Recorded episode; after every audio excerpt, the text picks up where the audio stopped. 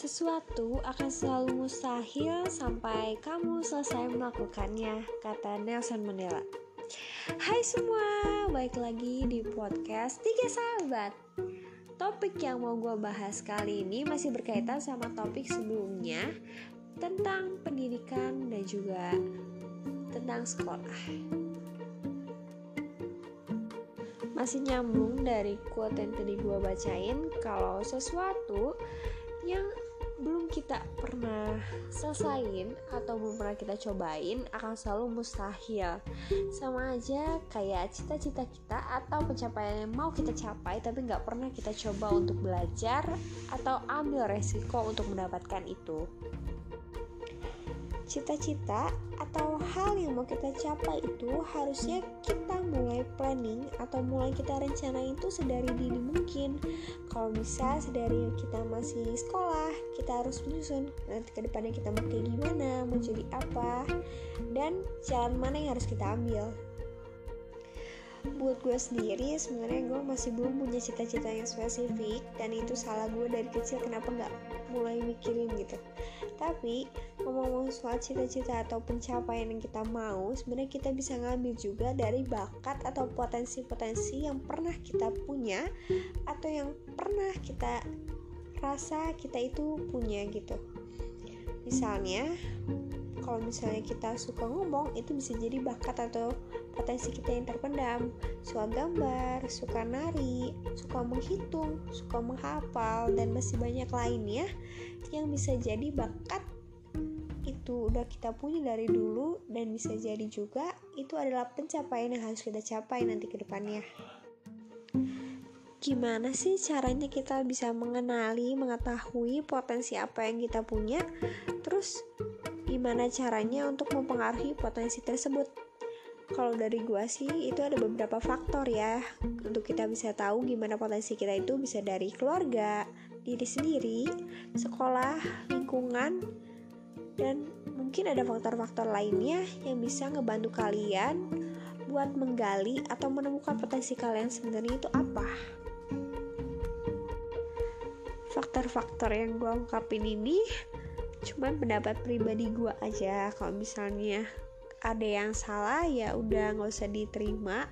Kalau yang positif diambil kalau negatifnya jangan diambil. Kalau faktor yang menurut dari gue itu dari diri sendiri itu bakal kelihatan banget. Kalau misalnya dari kecil lu sadar oh ternyata gue tuh emang udah suka gambar ya dari kecil. Atau suka nyanyi nyanyi sendiri suka ngomong sendiri suka bertindak jadi guru sendiri gitu.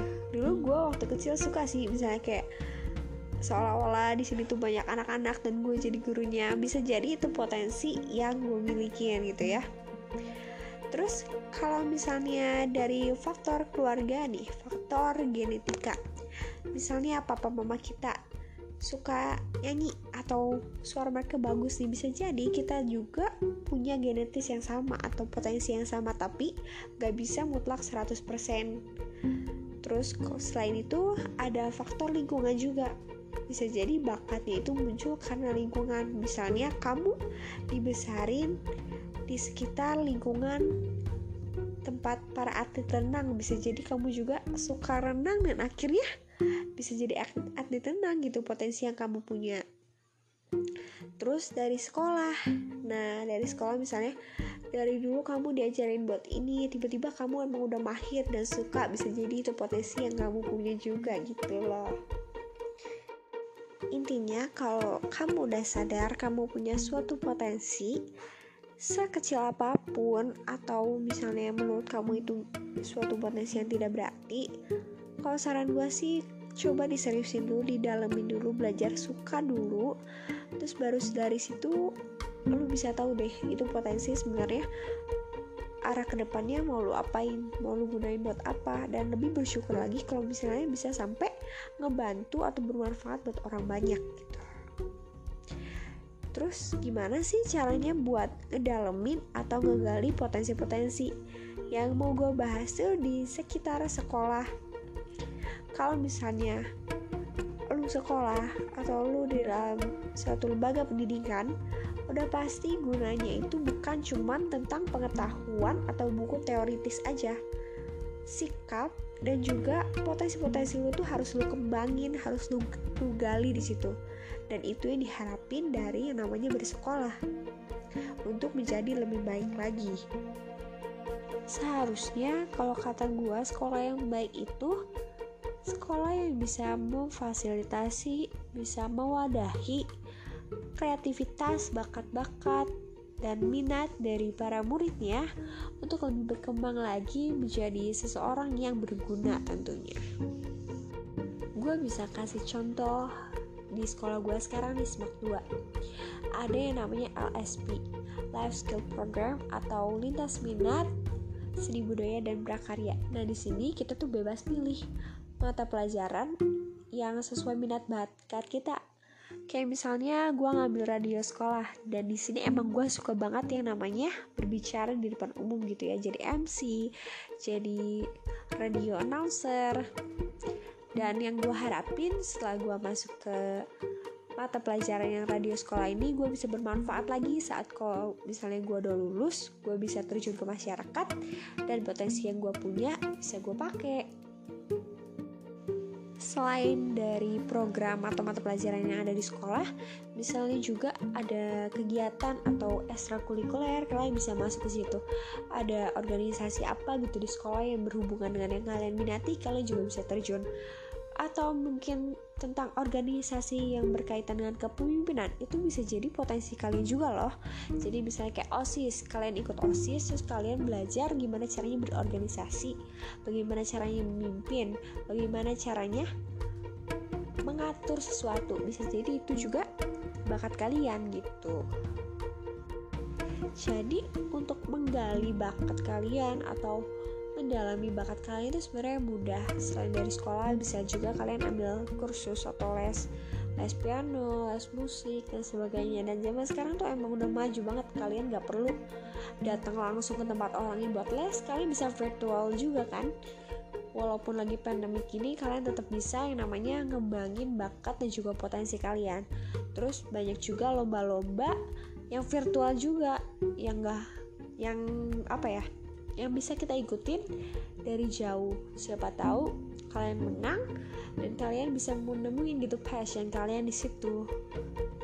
Balik lagi ke quote yang pertama banget gue ucapin kalau misalnya kalian gak pernah ngelakuin kalian gak pernah nyobain maka itu gak akan pernah tuntas ya karena kalian gak pernah mulai. Jadi kuncinya kalau dari gue untuk cita-cita yang bisa kalian dapetin bisa jadi salah satunya ada di bak minat bakat kalian. Untuk menjadi seorang yang sukses kalian tuh harus berani mencoba.